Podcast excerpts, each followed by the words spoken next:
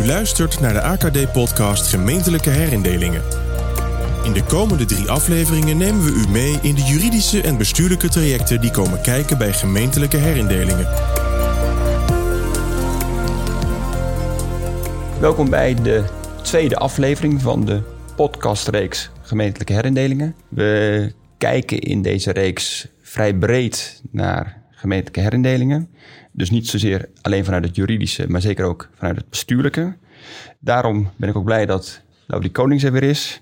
Eh, adviseur bij overheden op het gebied van financiële en bedrijfsvoeringsvraagstukken.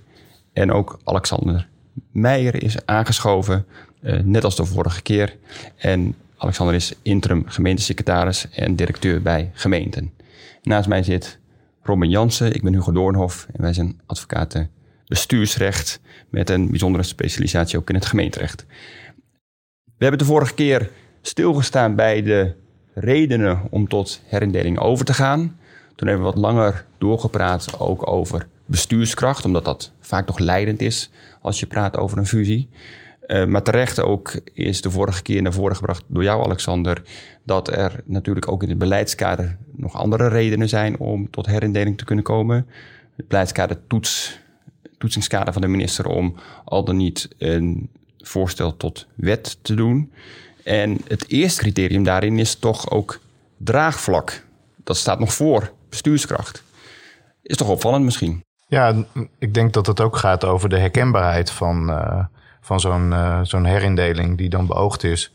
Um, uh, waarbij inwoners van een gemeente zich moeten blijven herkennen bij, bij de nieuwe, nieuw te vormen gemeente. Um, of dat uh, een, een, logische, wat wij willen zeggen, een logische looplijn voor inwoners is. Hè. En doen ze hun boodschap nou ook bij de, bij de buurgemeente of maken ze gebruik van het theater of een andere voorziening. Um, en wat ja, in de omliggende gemeente, het draagvlakcriterium gaat niet alleen over inwoners, maar ook over de gemeentebesturen daaromheen. Of maatschappelijke instellingen die werkzaam zijn, of schoolbesturen um, ondernemersverenigingen. Dus het is vrij breed. Um, waar, als je het hebt over draagvlak. En, en eerlijk gezegd wisselt dat gedurende het hele proces uh, nog wel eens van, uh, ja, van, van, van, van mening. Hè? De, de, de ene zal zeggen, nou, dit vind ik best een goed proces. Uh, de ander zal zeggen, nou, dit, dit, ik ben voor het eerst betrokken nu. Hè? Ik krijg voor het eerst eens een uitnodiging. de meeste inwoners die volgen dat eigenlijk helemaal niet. Dus het, het toetsingscriterium draagvlak hoe je dat nou moet onderbouwen in een, in een, uh, in een herendelingsvoorstel. nou, dat is, dat, dat, ja, dat is wel aan heel veel discussie onderhevig. En daar, daar gaat, gaan ook best veel herendelingen in het politiek-bestuurlijke proces wel op stuk. Ja. Je ziet vaak referenda daar gehouden worden hè, op lokaal uh, niveau. Ja, ik ben helemaal geen voorstander van referenda. referenda want uh, wat voor soort vraag stel je dan? En uh, dus, nou, er ontstaat eigenlijk alleen maar discussie over. Het is veel belangrijker, uh, denk ik, om ook in alle fases inwoners en, en uh, ja, invloedrijke uh, clubs te betrekken bij de vraagstukken waar een gemeente voor gesteld staat. En, en inderdaad eerst durven te benoemen van ja, dit gaat er niet goed. Hè, hier zijn we kwetsbaar op en kunnen jullie dat volgen? Kunnen jullie dat begrijpen? En waar maken jullie je zorgen om? En ja, willen jullie nog een bijdrage leveren dan in het, in het visie? Vormingstraject? Ja. Of welke oplossingen zien jullie dan? En ja, heel vaak kom je er dan wel met elkaar uit. Maar op het moment dat spelers ook weer wisselen in die belangengroeperingen of in, in, de, in de regio, ja, dan gaat het spel eigenlijk weer op de waag. Dus als je dat in de verschillende fases niet iedere keer blijft toetsen, dat, toets, hè, dat toetscriterium ja. draagvlak, ja, dan, dan loop je kans dat die van de rails loopt, ja, zo'n proces. En, en, die discussie doet zich natuurlijk met name ook voor als de provincie heeft gezegd: wij gaan het initiatief nemen. Omdat je dan natuurlijk bij gemeenten ja. de weerstand ziet opkomen, zowel politiek als onder inwoners. Dat brengt me meteen ook, dat is misschien wel goed om ook vast te stellen, bij het onderwerp van deze tweede aflevering, namelijk de rol van de provincie en de wetgever. Misschien is het goed, Robin, je hebt de vorige keer verteld dat er drie manieren zijn hoe een herindeling tot stand kan komen. Daar waar het gaat om de vraag wie neemt het initiatief. Is dat vanop de raden of is dat de provincie of drie, de minister zou het ook in theorie zelf kunnen doen. Um, we staan dus eigenlijk nu wat stil bij variant 2, dat de provincie het initiatief neemt. Hoe loopt die procedure? Ja, dat is eigenlijk een relatief eenvoudige procedure die uit een aantal verschillende stappen uh, bestaat. In de vorige aflevering stonden we al even stil bij die overlegfase. dus voordat er echt nog formeel besluitvorming plaatsvindt over zo'n herindeling, uh, wordt een provinciebestuur geacht om de gemeenten die daarbij betrokken zouden kunnen zijn, uit te nodigen voor overleg over die bestuurlijke uitdagingen waar uh, Alexander het zojuist al even over had. Dat is op zichzelf al een uitdaging voor een provinciebestuur, want zo'n initiatief op, in het provinciehuis ontstaat vaak pas nadat er al jarenlang discussie is geweest over de vraag of zo'n herindeling uh, zou moeten plaatsvinden. Maar het idee is dat je dan echt weer op nul begint, alsof er nog nooit uh, over dat voorstel is gesproken. En gewoon eens uh, alle kaarten op tafel legt en, en in gesprek gaat over hoe zo'n club aan regionale gemeenten de komende jaren de bevoegdheden uitoefent. Zullen we misschien ook vaststellen, Robin, dat dit in deze drie afleveringen ook het belangrijkste juridische punt is. Hoe voer je het open overleg in de zin van artikel 8 van de wet Arri? Ja, je ziet als, uh, en dan maken we even een kleine stap, als zo'n herindeling al naar de rechter gaat, dan is het vaak een gemeente die vindt dat uh, een provincie onvoldoende gelegenheid heeft geboden om uh, nou ja, de gemeente haar kant van het verhaal uh, te laten vertellen. Of doof is voor de argumenten tegen zo'n herindelingsinitiatief. En dan de rechter vraagt in te grijpen. En daar komen we wel bij een interessant punt. We zeiden al even in aflevering 1, zo'n herindeling gebeurt bij wet. Uh, dus een wet die gewoon door de regering, door de Eerste en Tweede Kamer wordt vastgesteld. Uh, met als strekking deze gemeenten worden samengevoegd tot een nieuwe gemeente. En daar zit ook meteen de bijzonderheid in. En dan moeten we even een uitstapje maken en de Nederlandse grondwet uh, onder het voetlicht brengen. Want onze grondwet heeft een heel bijzonder artikel, artikel 120. Daarin staat dat de rechter niet mag oordelen over de grondwettelijkheid van wetten en verdragen. Dat wil zeggen dat als de wetgever, de regering en de Staten-Generaal een wet tot stand hebben gebracht, dat de rechter dan niet mag oordelen dat die wet in strijd is met de grondwet. Bijvoorbeeld omdat uh, de vrijheid van meningsuiting zou worden ingeperkt of welke andere reden dan ook. Al decennia geleden is daarover bepaald dat het artikel ook ziet op de procedure uh, voor totstandkoming van de wet. Dus als bijvoorbeeld geen debat is gehouden in, in de Tweede Kamer, dan is dat geen grond voor de rechter om te kunnen zeggen: deze wet is fout, is in strijd met de grondwet uh, en dus kan hij niet in werking treden. In Nederland gaat de rechter daar niet over, anders dan in de meeste andere landen. En omdat zo'n herindelingstraject uitmondt in een wet, heeft de rechter bepaald dat ook zo'n procedure voor totstandkoming van zo'n herindelingswet, bijvoorbeeld op provinciaal niveau, niet inhoudelijk door de rechter beoordeeld kan worden. Dat is uh, voor het eerst geoordeeld in de samenvoeging van de gemeenten Tegelen en Venlo, ergens halverwege de jaren uh, 90. En dat heeft uiteindelijk uitgemond in het Tegelen-arrest van de Hoge Raad in 1999 waarvan de strekking was, ja, uiteindelijk vindt zo'n herindeling plaats bij wet. En dat brengt met zich dat ook al die voorbereiding daarvan op uh, provinciaal niveau of op gemeentelijk niveau uh, moet worden geacht deel uit te maken van de wetgevingsprocedure. En dat betekent dan weer, vanwege dat toetsingsverbod van artikel 120 van de grondwet, dat de rechter daar niet inhoudelijk over uh, kan gaan. Dus ook in dit geval was het de gemeente Tegelen uh, waarin de gedachte heerst, ja, de provincie is wel bezig met het voorbereiden van zo'n herindeling. Maar in die wet Arhi zie ik gewoon uh, dat er overleg moet plaatsvinden. En dat ik ook als kleinere gemeente mijn zegje moet kunnen doen. En daar heb ik veel te weinig de gelegenheid toe gekregen. Dat was de grondslag om naar de rechter te stappen. En daarvan zei de Hoge Raad: ja, dat is uiteindelijk een politiek vraagstuk als daar al een fout is gemaakt, dan is de consequentie dat de regering en de Staten-Generaal maar niet zo'n wet tot stand moeten brengen. Maar omdat het over een wet gaat, kan ik daar als rechter uh, niets mee.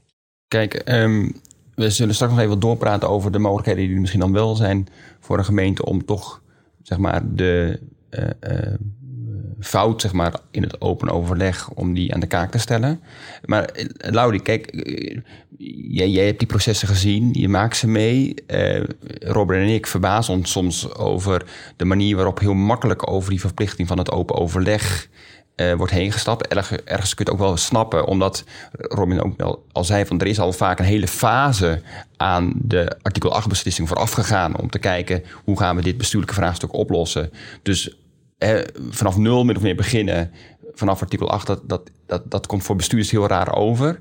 Um, maar daar kun je wel een voorstelling bij maken, maar je ziet het ook wel gebeuren. Ja, wat, wat, wat mij in die zin uh, nou, zeker in de huidige tijd uh, wel eens verbaasd is.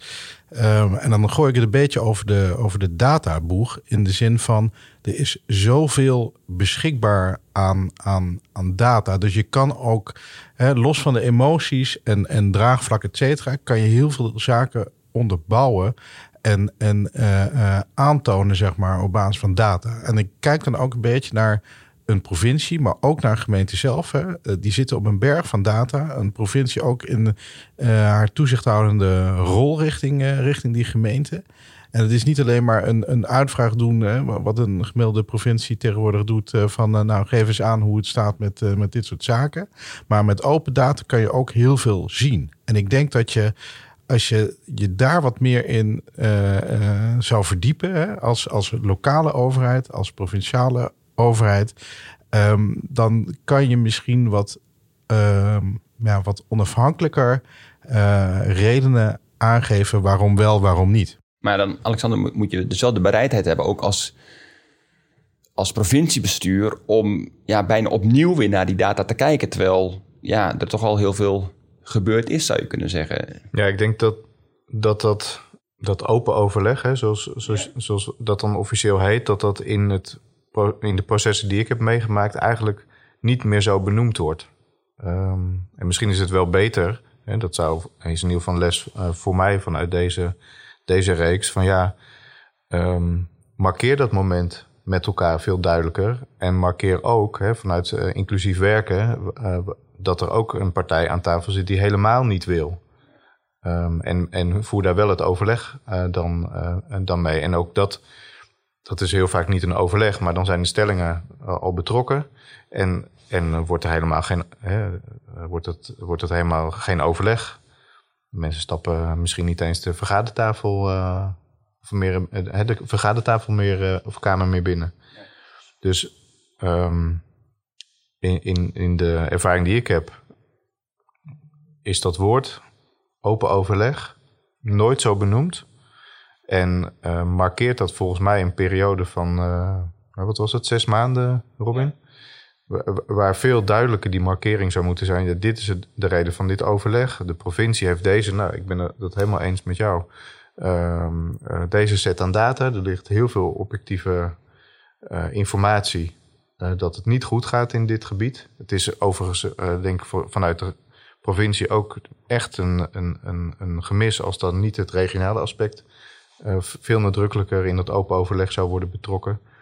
Um, uh, want die informatie is ook aanwezig. Hè, burgemeesters die op opdracht worden gestuurd als waarnemer, of uh, juist um, gemeentebesturen die niet goed met elkaar door één deur kunnen. En dat los je ook niet in één, hè, in één slag op, ook niet in zes maanden.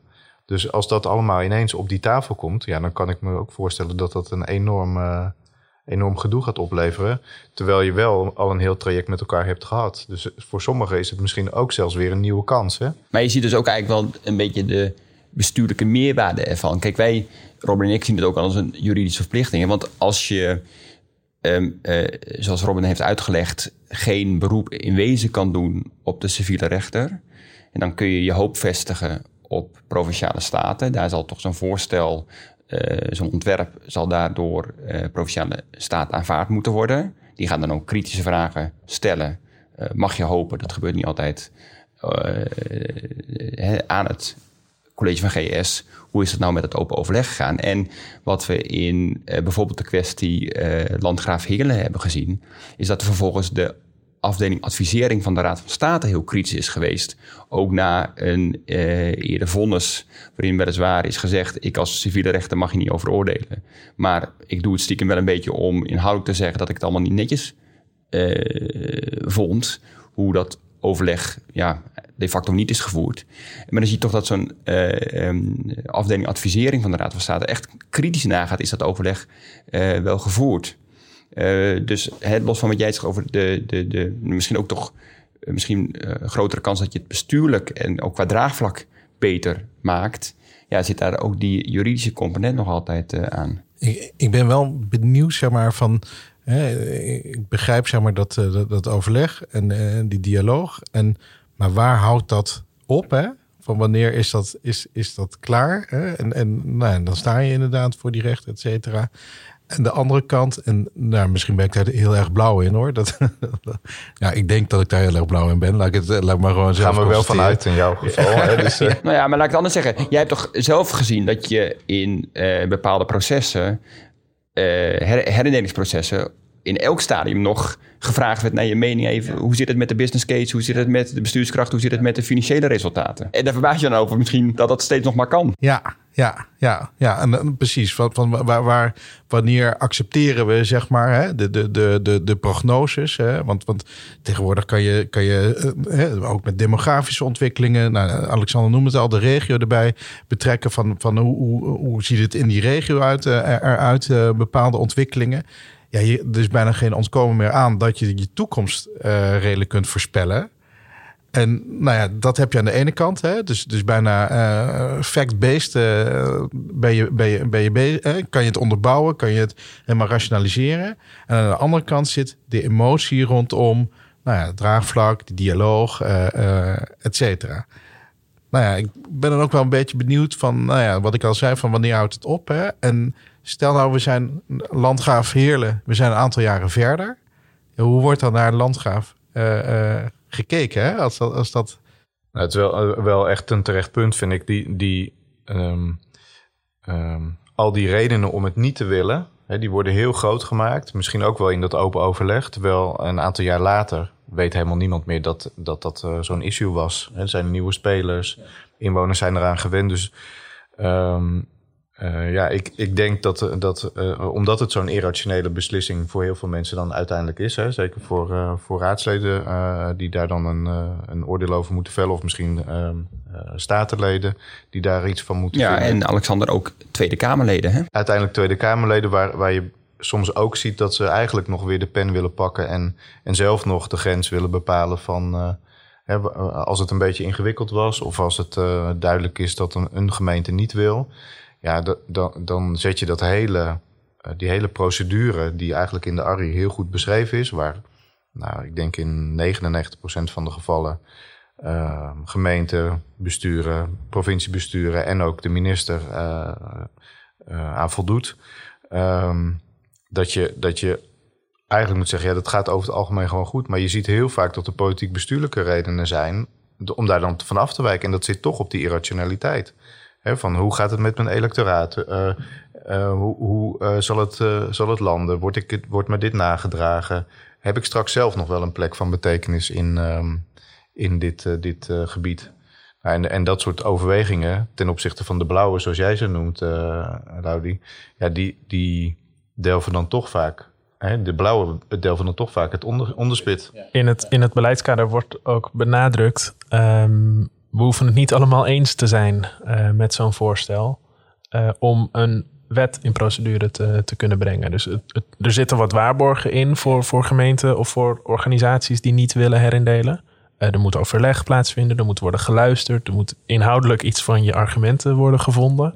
Maar er is niet een eis. Iedereen moet zich achter zo'n voorstel kunnen scharen voordat we tot herindeling over. Het is eigenlijk een soort we agree to disagree. Exact. Ja, ja. Ron, um, we, hebben provincies bijgestaan en daar zijn we wat nader op ingegaan, uh, die zeg maar een herindeling zou willen initiëren. En dan benadrukken we, denken nou om, maakt niet uit wat de voorgeschiedenis was, start met een open vizier, dat open overleg. Wat zeggen we nou tegen gemeenten die zich niet juist blijven verzetten? Ja, dan is het slim om uh, Lauri nog weer uh, op te laten draven met uh, zijn berekeningen en conclusies dat het allemaal wel meevalt met die bestuurskracht. Dat deze gemeente juist heel goed zelfstandig kan blijven bestaan. Ja, en bijna, bijna toch um, niet meewerken aan, aan die procedure. Want hoe meer je welwillend bent en, en in allerlei overleggen aanschuift, hoe sneller uiteindelijk de slotsoms uh, zal zijn. Die voorbereiding is gewoon zorgvuldig geweest en, en, en dat overleg heeft plaatsgevonden op de voorgeschreven wijze. Dus het is een beetje een onzuiver advies aan het slot van deze aflevering. Maar je zou bijna zeggen, uh, probeer een stok tussen de spaken te steken. Ja, nou, ik, ik zou wel willen benadrukken dat um, het allemaal belastende activiteiten zijn voor het vervolg van welke samenwerking dan ook. Hè? Want je moet uiteindelijk in datzelfde gebied wel door met elkaar. En, en um, ik, ik denk dat de inwoners van Nederland uh, in die zin ook gewoon een goede bediening uh, verwachten van hun gemeentebestuur, welk gemeentebestuur dat dan ook is.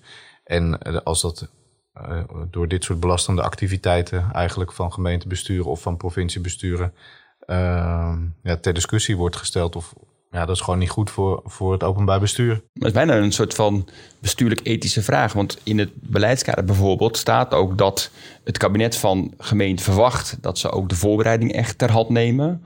Ondanks dat ze het in de kern dan niet eens zijn, bijvoorbeeld met zo'n fusie. Nou, dat is heel interessant, want ik heb ook in een herindelingsproces gezeten dat eigenlijk de grootste gemeente aan geen enkele overlegtafel meer kwam, omdat ze niets wilden voorbereiden. Mhm. Juist uit angst om in een situatie te komen die Robin net, uh, net beschrijft. Terwijl dat uiteindelijk voor de, nou, de toekomst echt heel belastend was. En een enorme hypotheek op de samenwerking uh, drukte. Nou, laten we het morele kompas anders van Laudi nog even erbij pakken. Ja, nou ja, kijk, eh, wat me, wat me ook nog te binnen schiet is... Um, nou, ik ben geen jurist, maar um, Stel nou dat je naar een bepaald gebied kijkt en er zijn al wat meerdere gemeenten aan elkaar aan het snuffelen. En één gemeente die wil per se niet. Maar ja, die staat straks daar helemaal alleen. Dan geldt toch ook een soort, uh, nou, ik weet niet hoe ze het noemen, een uitsluitsel beginsel. Hè? Of een gemeente mag niet worden, mag niet overblijven uiteindelijk. Dus er ontstaat, denk ik, ook wel in bepaalde gebieden een zekere druk om toch wel mee te gaan. Hè? Eh, los van open overleg, los van de spaak, hè? wat Robin zegt, de spaak tussen de ja. uh, steken. Ja. en je moet niet vergeten, Laude, kijk, ik kan natuurlijk aan bepaalde bezwaren soms ook wel een mouw gepast worden. We zijn zelf uh, vrij intensief betrokken geweest toen bij de fusie die heeft geleid tot de gemeente Gooise Meren. En daar waren terecht de oude gemeente Naden en Bussum niet zo blij met de financiële risico's die Muiden in de nieuwe gemeente zou brengen. En toen is het expliciet gewoon in de, in de wettekst zelf hè, opgenomen dat daar waar een beroep zou worden gedaan op artikel 12 eh, door eh, de oude raad zeg maar even van de gemeente Muiden, bij de beoordeling daarvan na de fusiedatum nog steeds zou worden uitgegaan van als ware Muiden nog een zelfstandige gemeente. Dus dat zeg maar, daar ook de nieuwe gemeente nog de revenue van die aanvraag zou kunnen plukken. Dus dan zie je dat eh, inderdaad verzet was vanuit die andere gemeente. Eh, misschien niet één gemeente, maar waren het er nou juist twee.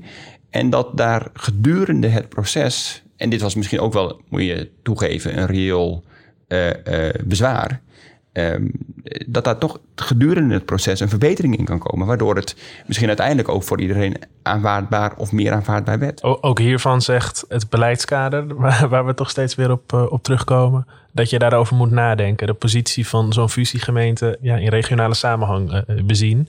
Um, dus dat je ervoor moet waken dat er een kleine gemeente overblijft waar verder niemand mee wil samenwerken. Maar ook juist ervoor moet waken dat er een te grote gemeente uh, ontstaat uit zo'n herindeling die uh, de hele regio gaat domineren. Terwijl dat niet bevorderlijk is voor de, voor de regionale verhoudingen.